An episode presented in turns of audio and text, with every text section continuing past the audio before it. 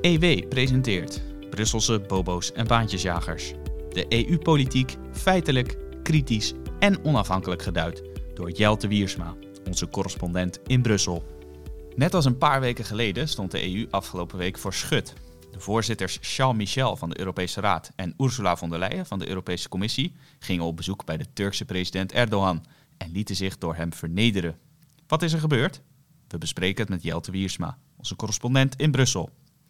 Ook aandacht voor een strijd tussen Londen en Brussel over financiële transacties, waarmee jaarlijks het duizelingwekkende bedrag van 81 biljoen euro is gemoeid. Tot slot een nieuw hoofdstuk in de strijd om de coronavaccins. Duitsland wendt zich tot Rusland en kiest voor het Sputnik-vaccin. Wat gaat dat geopolitiek betekenen? Het komt allemaal aan bod in deze nieuwe aflevering van Brusselse bobo's en baantjesjagers. Mijn naam is Matthijs van Schie. Goed dat u luistert naar een podcast van EW. Jelte, hartelijk welkom. Hallo. In uh, Brussel gaat het sinds dinsdag eigenlijk maar over één ding. Sofagate wordt het genoemd. Een spannende naam voor een uh, pijnlijke affaire. Waar gaat het over? Ja, Ursula von der Leyen, de president van de Europese Commissie, die wij in Nederland als voorzitter noemen, en uh, Charles Michel, de voorzitter van de Europese Raad, die zijn dinsdag gezamenlijk naar, oh, Ankara, de Turkse hoofdstad, gereisd op uh, verzoek of op orders zou je kunnen zeggen van uh, de Europese uh, regeringsleiders, de EU-regeringsleiders. En um, daar moesten zij onder meer proberen um, Erdogan te verleiden om zijn contract als zeg maar uitsmijter van immigranten die naar Europa gaan te verlengen. Dus zo'n contract heeft hij al. Maar uh, het geld uh, dat met het contract gemoeid is, 6 miljard euro, is bijna verbruikt door meneer Erdogan. En um, hij uh, stuurt langzamerhand weer bootjes vanuit Turkije naar Griekenland om de druk op te voeren. Want meneer Erdogan is um, in de problemen financieel. Um, de Turkse economie doet het heel slecht. En um, hij heeft geld nodig. En uh, om geld te krijgen ga je natuurlijk naar de pinautomaat die de Europese Unie heet. Dat doe je natuurlijk door bootjes met Afrikanen en Aziaten en anderen richting Griekenland te sturen. Uh, dan raakt uh, men in Brussel en de Europese hoofdsteden meteen weer in paniek. En dan gaat men weer naar meneer Erdogan en zegt van... nou, zullen wij u weer een aantal miljarden toestoppen... Uh, en in ruil daarvoor houdt u dan uh, die mensen tegen. Ja, de, de pinautomaat in de persoon dus van Charles Michel en Ursula von der Leyen kwam naar hem toe, naar Ankara. En ja, wat er toen gebeurde, dat, dat zorgde voor ontzettend veel discussie in Brussel, hè? Ja, van der Leyen uit Duitsland en Michel uit België werden ontvangen in Ankara door uh, Erdogan en zijn uh, minister van Buitenlandse Zaken. En wat hadden ze gedaan, de Turken? Ze hadden twee stoelen neergezet onder twee vlaggen. Een uh, stoel onder de Europese Unie-vlag en een stoel onder de Turkse vlag. En geflankeerd, links en rechts, stonden twee sofa's. Op één sofa nam de Turkse minister van Buitenlandse Zaken plaats. En um, die andere sofa was leeg. En Erdogan nodigde von der Leyen en Michel uit in de ruimte waar de besprekingen zouden plaatsvinden. En uh, zette uh, Michel op de stoel bij de Europese vlag. En von der Leyen werd door hem genegeerd. Hij ging zelf zitten, Erdogan, naast Michel dus. En daarmee zei hij eigenlijk van, nou ja, wij zijn de heren die het hier wel even beslissen. En von der Leyen die schraapte nog met haar keel. Uh, en die probeerde nog duidelijk te maken van, uh, ja, meneer de gastheer, meneer Erdogan, waar moet ik gaan zitten? Um, en uit armoede is hij uiteindelijk maar op de sofa gaan zitten, um, op gelijke hoogte dus met de minister van Buitenlandse Zaken van Turkije. Ja, en dat maakt het allemaal wel delicaat. Er zitten een heel aantal kwesties bij hier.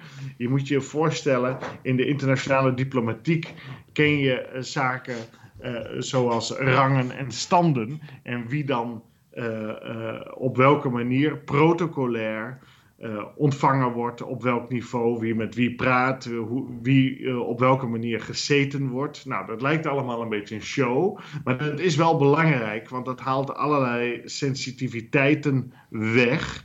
En um, wat hier gebeurde, was dat Van der Leyen op dezelfde plek werd neergezet als de buitenlandse zakenminister van Turkije. Terwijl in de hiërarchie von der Leyen, de diplomatieke hiërarchie, volgens protocol boven die minister van Buitenlandse Zaken van Turkije staat. Dus dat was een vernederende positie, maar het gaat natuurlijk nog veel verder.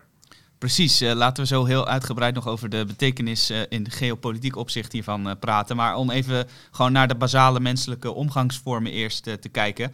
Je zou zeggen, Erdogan is een man, Charles Michel is ook een man. Wat je dan doet als galant mens is natuurlijk de vrouw als eerste de stoel aanbieden. Of in ieder geval haar een, een prominente plek geven. Ehm, vanuit Erdogan is het misschien begrijpelijk, want hij is toch een beetje de rivaal. Maar Charles Michel met name, die had eigenlijk toch voor zijn vrouwelijke evenknie, om het zo te zeggen, op moeten komen. Ja, dat vind ik wel. Ik heb een commentaar hierover geschreven. Dat de eerste faux pas natuurlijk was dat Michel, een, een heer zou je, zou je denken, um, dat hij van der Leyen de stoel had aangeboden. en twee, Ehm, eh, toen van der Leyen zelf geen stoel werd aangeboden door Erdogan en Michel wel, had Michel natuurlijk moeten zeggen: Nou, dat gaat niet gebeuren. Of mevrouw van der Leyen en ik uh, krijgen beide een stoel op gelijke hoogte als u, meneer de Turkse president. Of um, wij wachten gewoon keurig tot er een nieuwe stoel wordt bijgezet, want dit kan niet. En, en als hij dat niet had gewild, Michel, had hij natuurlijk moeten zeggen: Nou, mevrouw van der Leyen krijgt een stoel toegewezen. En dan blijf ik staan. Of nog sterker, hij had eigenlijk moeten zeggen toen hij op de stoel plaatsnam, Michel, en van der Leyen geen stoel werd gewezen, had hij moeten opstaan en zeggen: Nou, dan ga ik weg. maar eigenlijk had Van der Leyen ook moeten zeggen, toen, zij geen stoel werd, toen haar geen stoel werd aangeboden, van ja, sorry, maar dan ga ik ook weg. Nou, dat hebben ze allemaal niet gedaan. Um, dat tekent ook wel het karakter van deze mensen, die zich toch een beetje het kaas van het brood laten eten. Het is niet helemaal verrassend natuurlijk.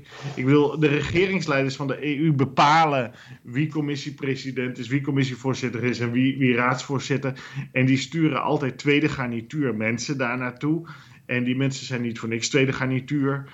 Um, uh, want uh, in uh, de situaties als het erom gaat, zoals deze, waar protocolair heel belangrijk is om te laten zien dat je gelijkwaardig bent aan je gesprekspartner, laten ze zich uh, vernederen.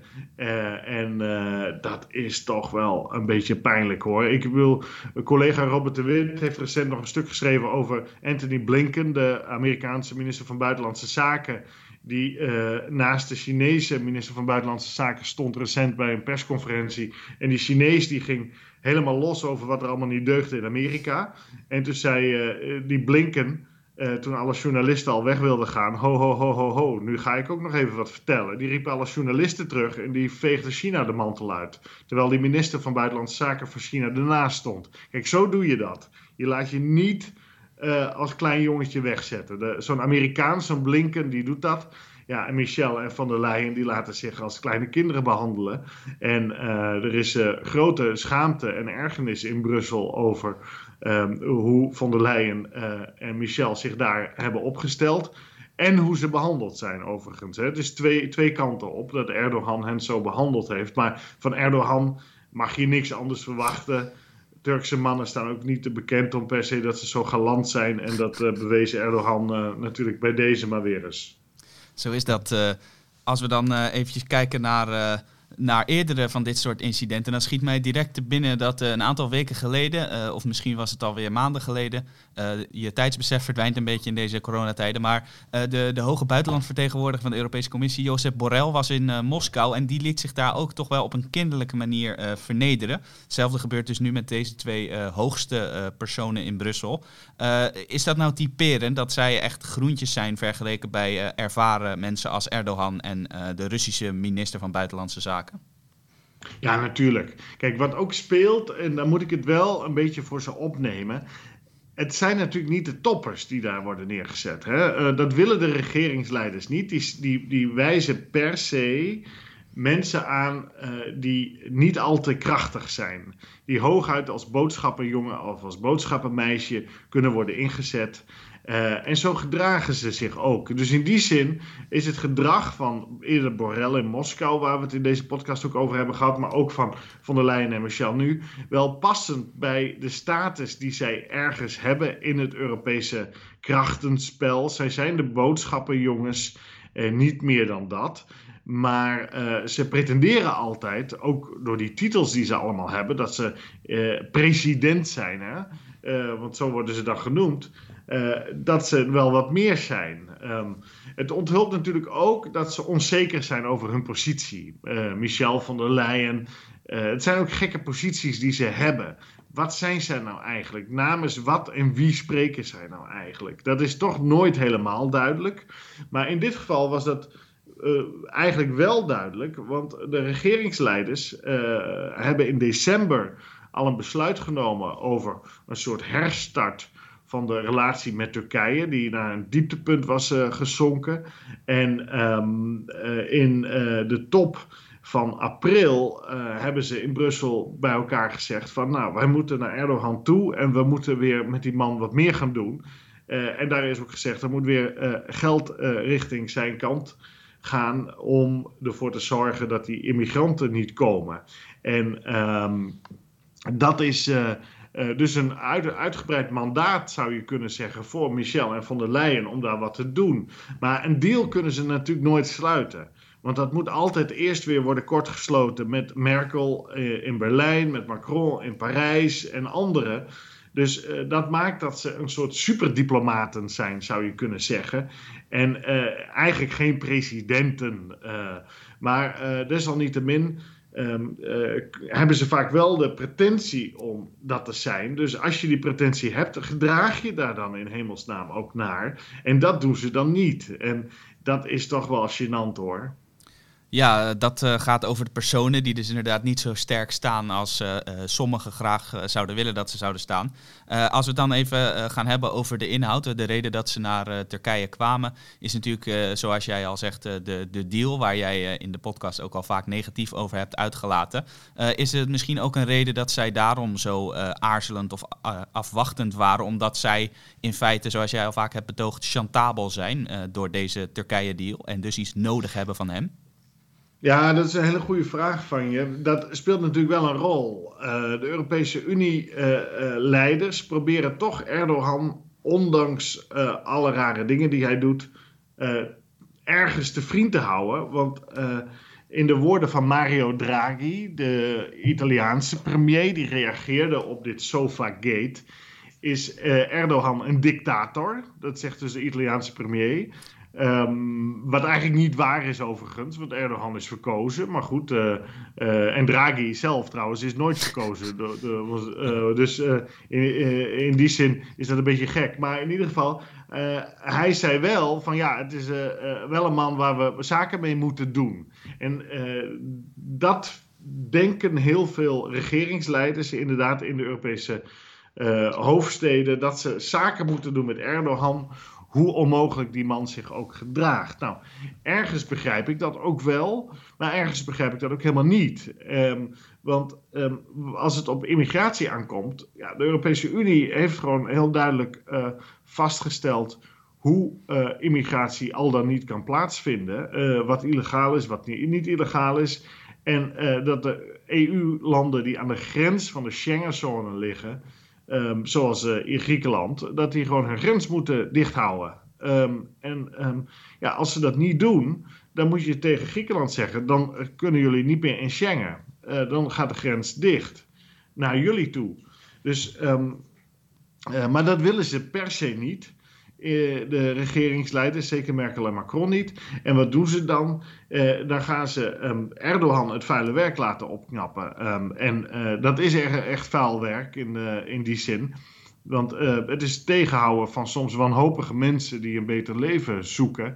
En de Europese Unie-leiders willen beelden daarvan niet op de voorpagina's van de kranten, waarbij Griekse grenswachters of grenswachters van de Europese grenscontroleorganisatie Frontex mensen terugduwen of, of, of tegenhouden. Dat vinden ze ongemakkelijk.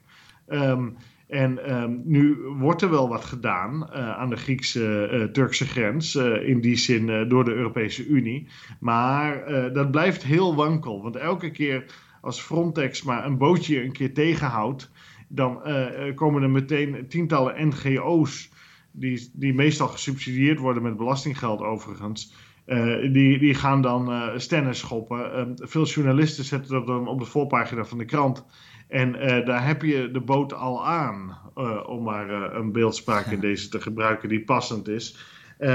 want ja, de magen in Europa zijn um, niet zo heel sterk. En het verteren van hard zijn tegen immigranten is uh, uh, iets dat um, uh, ja, lastig is in de Europese hoofdsteden. Je ziet het overigens ook in de Verenigde Staten. Daar is precies hetzelfde probleem.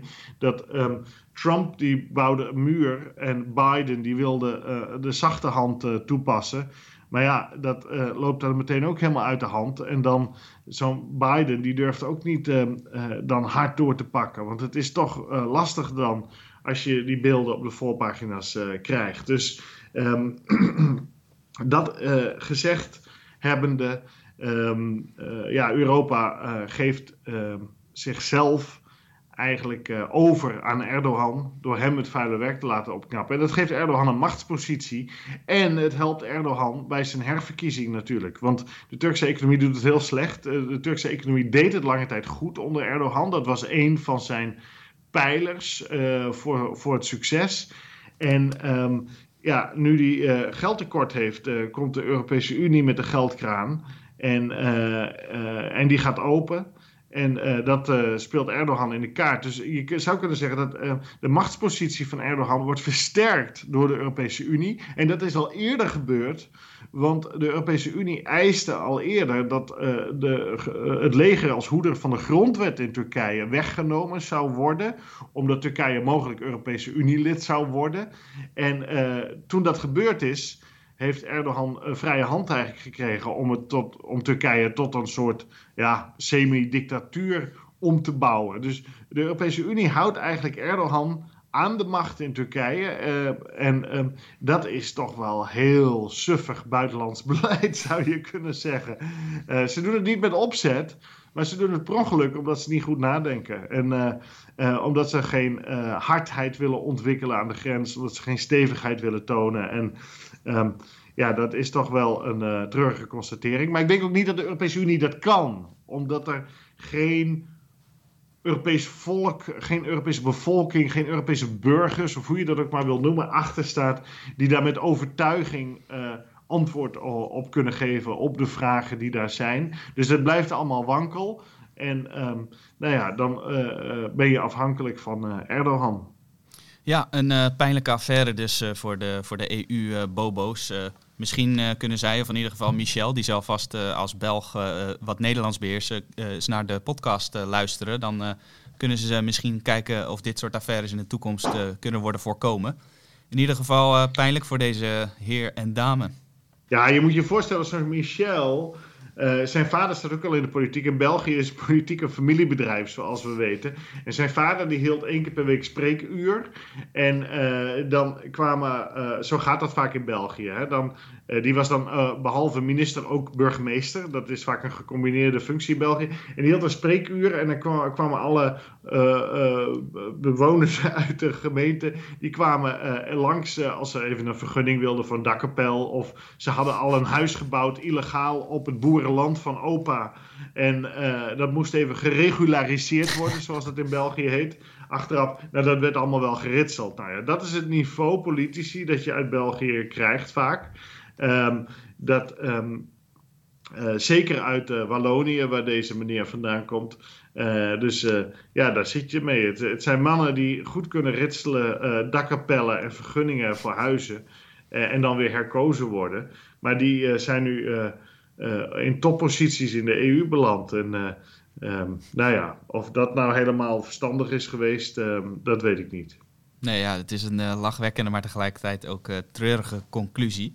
Ja, dat is het. Het is ja. dubbel. Kijk, wij, jij en ik wonen ook in die Europese Unie. En ja, dan denk je van, gat zeg. daar heb je zo'n zo'n figuur als Michel en zo'n figuur als Van der Leyen. En ze bakken er werkelijk helemaal niks van. En dan, ja, ik, ik, schaam me daarvoor, eerlijk gezegd. een plaatsvervangende schaamte. Maar goed, in België is schaamte geen groot uh, ding. En Van der Leyen is sowieso schaamteloos. Die heeft uh, uh, haar promotie ook bij, grotendeels bij elkaar gekopieerd en zo. Dat is, die mensen hebben, ze kennen geen schaamte. En dat is misschien wel iets um, um, dat nog eens aardig is voor een stuk hoe, hoe schaamteloos deze mensen zijn. Ja, als ik het zo hoor, eh, ga jij daar binnenkort uh, aandacht aan besteden in een stuk. Uh, en waar we net over hebben gesproken, daar heb je al een stuk over geschreven. Dat kunt u lezen via de link in de beschrijving van deze podcast. waar je ook over hebt geschreven voor jouw vaste rubriek in Brussel, is een heel ander onderwerp. Dat stuk gaat over een strijd tussen de EU en het Verenigd Koninkrijk. en dit keer is niet over vaccins, maar over geld. Euroclearings, om precies te zijn. Uh, ingewikkelde term. Uh, er is heel veel geld mee gemoeid. Maar wat zijn dat precies, Euroclearings? Ja, je moet je voorstellen. Londen is zo'n beetje de hoofdstad van de wereld wat betreft clearings. En clearings, dat zijn de transacties bijvoorbeeld uh, tussen pensioenfondsen uh, en uh, regeringen. Als een regering een staatsobligatie uitgeeft en een pensioenfonds wil dat kopen, nou, dan moet dat allemaal gekleerd worden. Dat is een heel ingewikkeld proces. Um, die transacties die zijn van levensbelang voor um, de economie en het hele financieel stelsel. Je kan je voorstellen, die clearings zijn eigenlijk de, de halsslagader van um, het hele financiële wereldje. En um, dit zit voor 90% wat betreft uh, clearings in euro's in Londen. En um, nu willen de Fransen, vooral de Fransen, maar ook de Duitsers en anderen wel, willen heel graag dat die euro-clearings allemaal naar het Europese continent gaan, naar de Europese Unie en het liefst naar de eurozone. En je moet je voorstellen, daar gaat uh, per jaar 81 biljoen euro in om. Dat is ongeveer uh, zes keer uh, het hele inkomen van alle EU-landen bij elkaar. Dus dat is een, behoorlijke som geld. Um, en dat is formeel niet te doen op dit moment door Brexit, door niet-EU-banken, dus door Britse banken. Maar het is zo ingewikkeld um, dat um, het Verenigd Koninkrijk een verlenging heeft gekregen van uh, 2,5 jaar tot en met de zomer van 2022 om toch die clearings in euro's in Londen te blijven doen. Want de Europese Unie, daar, daar is niks om die clearings te doen. En dat is een heel ingewikkeld proces. Dus uh, uh, het Verenigd Koninkrijk probeert nu in, uh, met, met man en macht om ervoor te zorgen dat er een structurele deal komt met de Europese Unie, waardoor Londen die clearings in euro's kan blijven doen. Maar vooral de Fransen die zeggen nee, nee, nee, na die 2,5 jaar moet het afgelopen zijn. En uh, dus in de zomer van uh, 2022 is dat inmiddels. En dan moeten al die clearings naar Europa naar de Europese Unie, het liefst naar de eurozone en dan zeer waarschijnlijk naar Frankfurt, waar de Europese Centrale Bank zit, gaan. En de Europese Commissie heeft ook een werkgroep uh, opgezet om druk te zetten op banken uh, die die transacties begeleiden, om die clearings naar het Europese continent te halen. Maar vooralsnog wil eigenlijk niemand dat. Dus de, de klanten uh, zowel nationale overheden als pensioenfondsen, als allerlei andere instellingen, organisaties die die clearings nodig zijn, die willen eigenlijk dat het in Londen gebeurt. Want daar zit heel veel expertise, daar zit het personeel en het is niet zo ingewikkeld. Ze weten dat het betrouwbaar is en met zulke bedragen ga je geen risico's nemen. Je behouden, natuurlijk conservatief. Dus die hebben helemaal geen zin om alles naar het continent te brengen. Dus je hebt de klanten die willen het niet. Het Verenigd Koninkrijk wil het natuurlijk niet.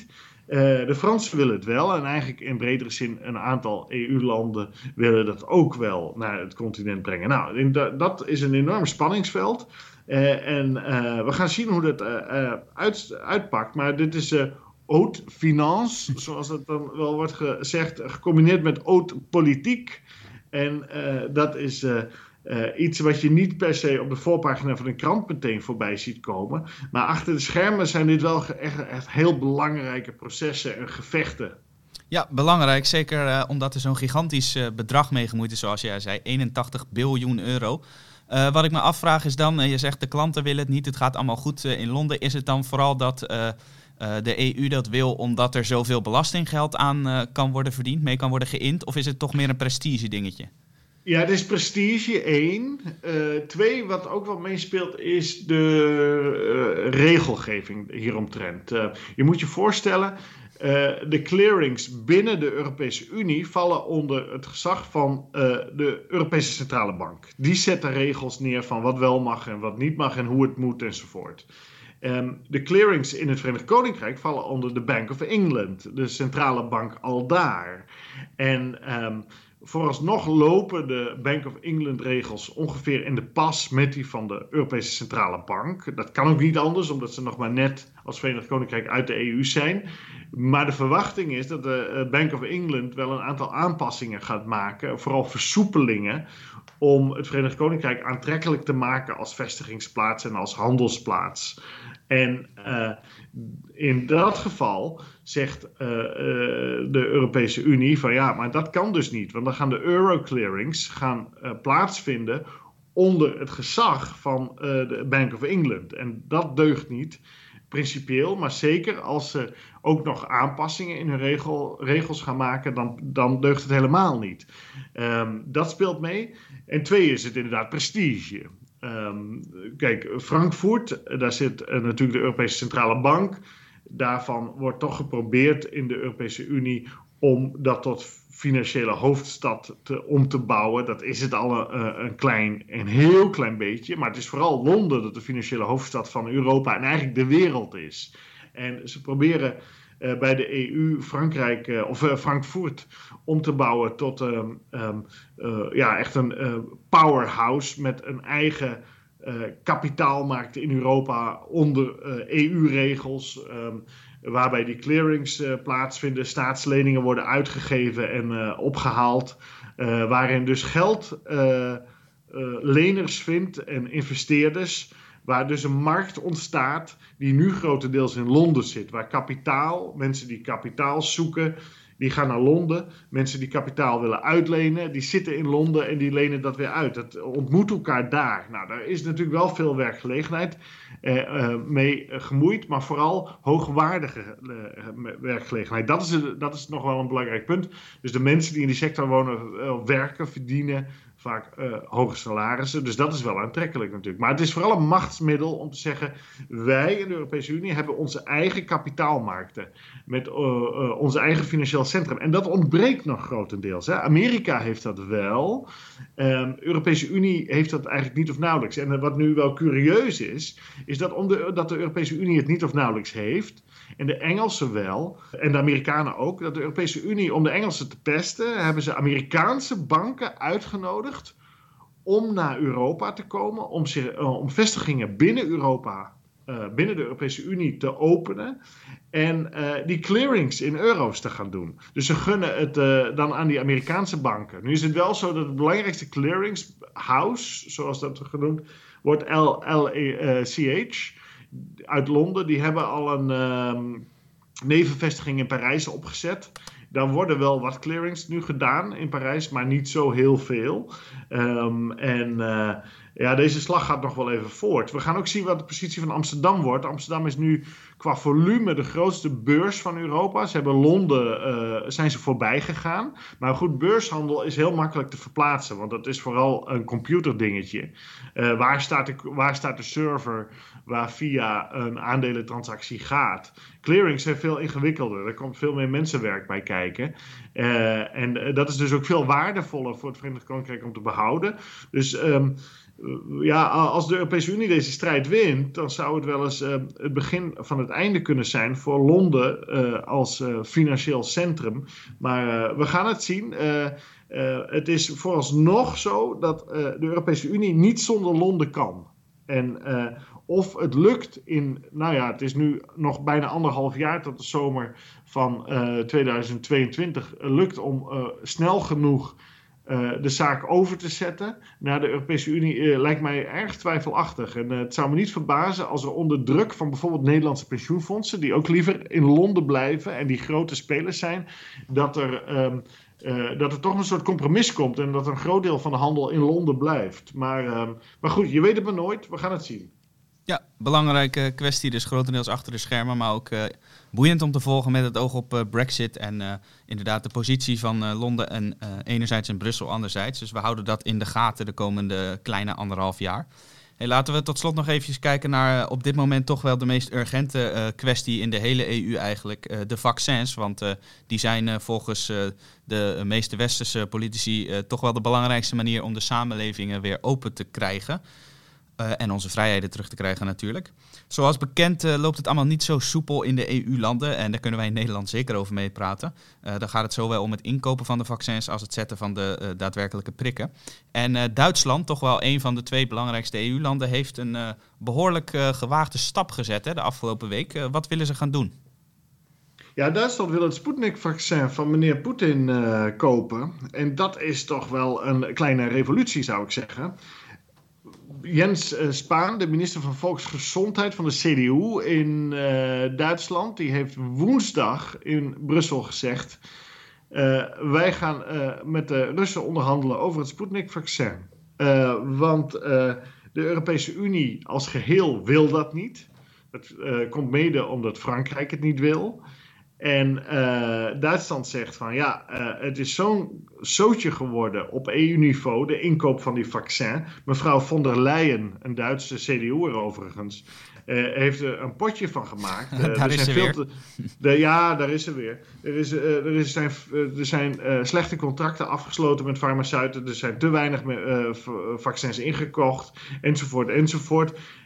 wij als Duitsland gaan voor een alleingang dat had ik al een beetje voorspeld in een essay uh, niet zo lang geleden in het blad.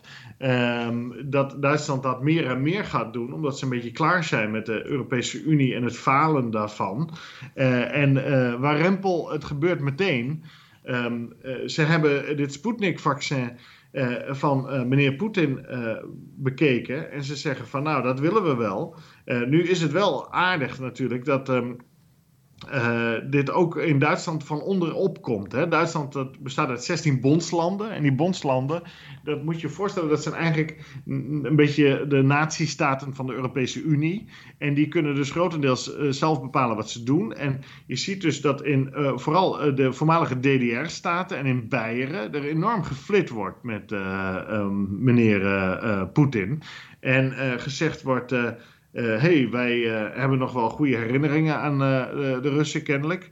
En wij zouden graag, dat geldt voor Bayern misschien niet overigens hoor, maar um, dat wordt natuurlijk bij West-Duitsland. Maar wij, wij willen dat Sputnik-vaccin. En Oostenrijk en Hongarije, die hebben ook al onderhandelingen met meneer Poetin over het Sputnik-vaccin. Dus um, die ondermijnen de collectieve afspraak in de Europese Unie, waarbij is gezegd: wij als Europese Unie gaan alleen maar collectief, als 27 EU-landen samen, vaccins inkopen. En de EU zegt uh, collectief: nou, we gaan niet uh, het Sputnik-vaccin kopen om geopolitieke reden. Uh, maar nu zegt dus Duitsland doodleuk: jullie kunnen de bomen in in Brussel. En in Parijs en in Amsterdam en, en weet ik wat. Met, met jullie afspraken over, uh, of Den Haag moet ik zeggen. En met, met jullie afspraken over uh, collectieve inkoop. Het is zo'n zootje geworden. Wij als Duitsland gaan gewoon onze eigen koers varen. En wij gaan naar Moskou en wij gaan het Sputnik-vaccin kopen. En uh, dat is echt revolutie hoor. Ja, het is uh, boeiend om te zien dat, uh, dat Duitsland uh, die alleingang begint. Zoals jij ook al inderdaad voorspelde. laatst in het blad op onze site en ook in deze podcast. dus dat gelijk kun je volledig claimen. Um, wat ook aardig is, is dat Duitsland natuurlijk ook al die Nord Stream, die pijplijn voor gas met Rusland, gewoon doorgang laat vinden, ondanks grote kritiek. En dat terwijl door velen in, in Europa Poetin, de Russische president, toch als de grote vijand misschien wel wordt afgeschilderd. Betekent dat ook dat Poetin hiervan profiteert? Ja, zeker. Duitsland is natuurlijk een land dat eigenlijk enigszins kunstmatig in de westelijke alliantie van West-Europa en de Verenigde Staten is beland na de Tweede Wereldoorlog. Maar is eigenlijk een land dat natuurlijk een Midden-Europees land is, cultureel. Je zou zeggen, kunnen zeggen Nederland, België, Frankrijk zijn West-Europese landen, het Verenigd Koninkrijk. Um, die zitten ook aan die Atlantische Oceaan. Um, maar Duitsland is toch een Midden-Europees land, zoals Oostenrijk dat ook is in Tsjechië. En uh, dat is um, uh, een land dat twee kanten op kijkt. Dat kijkt uh, um, naar west en naar oost. niet te zeggen ook naar noord en zuid, maar vooral naar west en oost, waar de grote machten zich bevinden. En Amerika en Rusland. En Duitsland heeft altijd een soort speciale band gehad met uh, Rusland. Uh, door de eeuwen heen. En je ziet uh, dat die banden toch diep steken en de geschiedenis zijn rechten heeft, zoals dat dan heet. En um, ja, we krijgen nu zowel van CDU'ers als van CSU'ers als van SPD'ers, dus de, de belangrijkste partijen in Duitsland, te horen uh, ja, wij gaan dat vaccin van Poetin kopen. En dat gaat op bondslandniveau in eerste instantie, maar nu willen ze het ook op nationaal niveau doen. De EMA, de Europese Medicijnautoriteit, die is al in Rusland geweest, overigens, als ik het goed begrijp. En die gaat waarschijnlijk half april het Sputnik-vaccin goedkeuren. Um, althans, zo melden de Duitse media dat. Um, en uh, dan zou de weg vrij zijn om het te gaan gebruiken. Ja, en daarmee koopt Poetin natuurlijk een geweldige goodwill in Duitsland, die hij toch al bij veel Duitsers had. Je moet je voorstellen, toen Amerika de, onder, door Trump werd geleid, hadden de Duitsers een positievere opvatting over Rusland en Vladimir Poetin dan over Amerika en Donald Trump. Hè? Dat is de gemiddelde Duitser. Daar praten we nu over. En die, die gemiddelde Duitser krijgt dus gas van meneer Poetin. En die krijgt nu ook een vaccin van meneer Poetin. Ja, dat vinden ze allemaal natuurlijk wel aardig uh, daar. En voor ons is dat een zorgelijke situatie. Dat het grootste, volksrijkste en economisch krachtigste EU-land zijn blik naar het oosten richt, eh, naar Rusland, maar ook eh, naar China natuurlijk, en enigszins afwendt van de Verenigde Staten van Amerika. Eh, dat kan zomaar zo zijn dat daar de hele, daarmee de hele EU uh, en dus ook Nederland richting de Russische en Chinese kant wordt getrokken. In plaats van dat wij uh, stabiel blijven en zij aan zij met de Amerikanen en de, uh, het Verenigd Koninkrijk, wat, wat mij betreft veel meer onze geestverwanten zijn, staan. En daar maak ik me wel grote zorgen over. Maar verrassend is het niet. ik heb toen al geschreven, um, de Duitsers die wilden een Europees Duitsland. Dat betekende in de praktijk eigenlijk dat er een, Duitse Europa kwam. Um, maar de Duitse Europa, dat willen de meeste andere landen niet. En dus gaat Duitsland nu voor een Duits-Duitsland.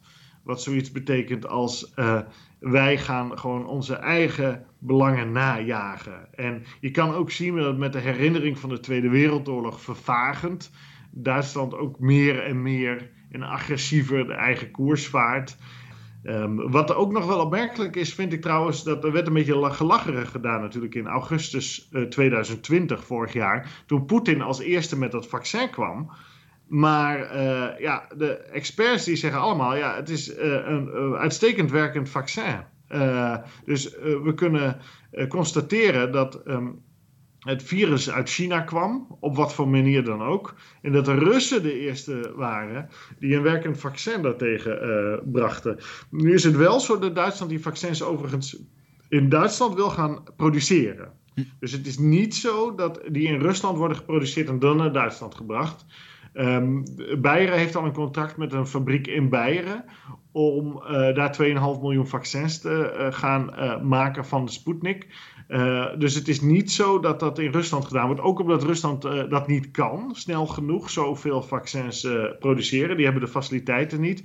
en dat um, kan ook natuurlijk wel enige zorg bij misschien Duitsers wegnemen. Dat ze niet met een product uit Rusland worden gevaccineerd, maar een product dat onder Duitse controle is uh, uh, geproduceerd. Dus nou ja, hoe dit verder gaat, dat weet ik niet. want Frankrijk is niet blij Nederland is niet blij. Dus er zijn een aantal landen die zeggen van ja, wat is dit nou, uh, Duitsland? jullie breken de afspraak uh, zoals die gemaakt is. En dat komt mede door de puinhoop die von der Leyen, de CDU, heeft achtergelaten. Dus wat is dit nou, jongens? En ze verwachten ook dat half april de grote bulk aan vaccins gaat binnenrollen. Um, dat, daar hoopt de, de, Nederlandse regering ook elke keer op. Dus dat betekent uh, dat dat Sputnik-vaccin misschien helemaal dan niet nodig is. Dus um, dit is wel een statement van Duitsland uh, van als de EU niet levert op het niveau dat wij willen, dan trekken wij ons eigen plan en zo nodig doen we dat met de Russen samen grote ontwikkelingen dus, uh, ook op geopolitiek gebied, die de eenheid in de EU niet direct uh, ten goede lijken te komen. Laatste vraag aan jou. Ehm, hoe zie jij, als je kijkt naar het feit dat steeds meer landen afstand nemen van AstraZeneca, een, een, Brits-Zweeds vaccin, en zich in ieder geval Duitsland wenden tot de Russen? Zie jij daarin eigenlijk het, het, beeld versterkt dat de invloed inderdaad van de, van de Anglo-Saxische wereld lijkt af te nemen en die vanuit het oosten, dus de Russen en, en minder China ook, toeneemt?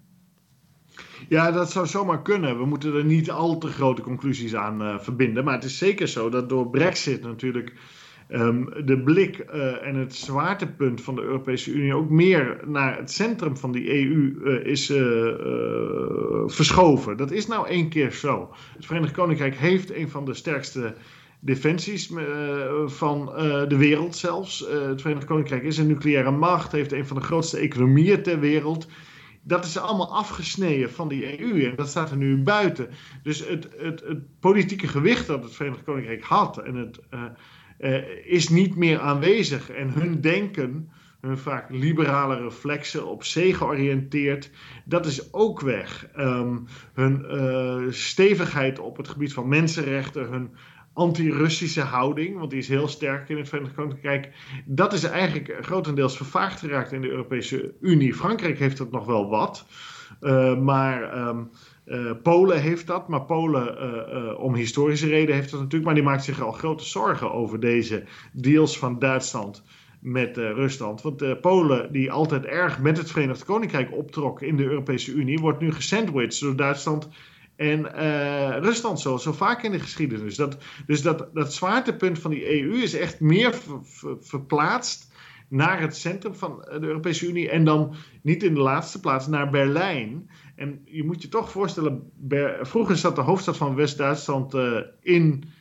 uh, het westen van Europa, in Bonn. Want het westelijke deel van Duitsland is toch cultureel ook West-Europa meer. Uh, maar dat is verplaatst naar Berlijn. En Berlijn, dan, dan ben je bijna in Polen. Hè? Uh, dat ligt heel dicht bij de grens met Polen. Je, bent, je ruikt Rusland als je daar uh, in Berlijn rondloopt. De hoofden van de mensen zijn meer Russisch. De, ja, maar er zijn veel meer Russische en Slavische immigranten daar ook. Dus dat is een, een uh, automatisch richt dat de blik al, die geografische positie Berlijn, op Rusland, meer op het oosten. Uh, en dan Brexit versterkt dat proces nog eens. En voor Nederland is dat een heel ongemakkelijke positie. Want zoals Johan Huizinga, onze beroemdste historicus, schreef in 1936: Wij als Nederlanders horen bij de Atlantische naties, de zeevarende naties. Er loopt een soort grens door Europa van Delfzijl naar Venlo, zoals hij schreef. Uh, dat was een beetje een romantisch beeld overigens hoor. Maar uh, het is natuurlijk wel uh, voor een deel van Nederland waar. Dat, uh, wij geen continentaal land zozeer zijn, als wel een land op zee gericht. En ja, dat uh, gaat door dit soort ontwikkelingen toch in de knel komen. En uh, ik maak me daar wel zorgen over. En een Duitse alleingang in de geschiedenis is niet altijd helemaal goed uitgepakt voor Europa, om het maar uh, met enige understatement te zeggen. Dus uh, daar maak ik me ook wel een beetje zorgen over. Want als de Duitsers het op de heupen krijgen, nou, hou je hart, hart dan maar vast. Zo is dat. Onheilspellende ontwikkelingen dus. We blijven met veel interesse volgen hoe dit allemaal verder gaat. natuurlijk ook met de vaccins in de eerste plaats vanwege onze eigen gezondheid en het weer opengaan van de samenleving. Maar in bredere zin inderdaad geopolitiek ook van groot belang. Uh, dus dat blijven we volgen uh, in een uh, volgende podcast. Die is niet volgende week, want dan geniet Jelte van een weekje welverdiende vakantie. Maar daarna zijn wij gewoon weer terug met een nieuwe podcast. En in de tussentijd kunt u uiteraard op onze website ewmagazine.nl op de hoogte blijven van het laatste nieuws, achtergronden en opinies. Zijn we dus aan het einde gekomen voor vandaag. Hartelijk dank Jelte. Graag gedaan. Alle luisteraars het beste gewenst en graag tot de volgende keer. Hartelijk dank voor het luisteren naar de podcast van EW. Wilt u niets missen? Abonneer u dan in uw favoriete podcast-app, bijvoorbeeld Spotify of iTunes, door te zoeken op EW. U kunt ook luisteren op onze site via ewmagazine.nl/podcast.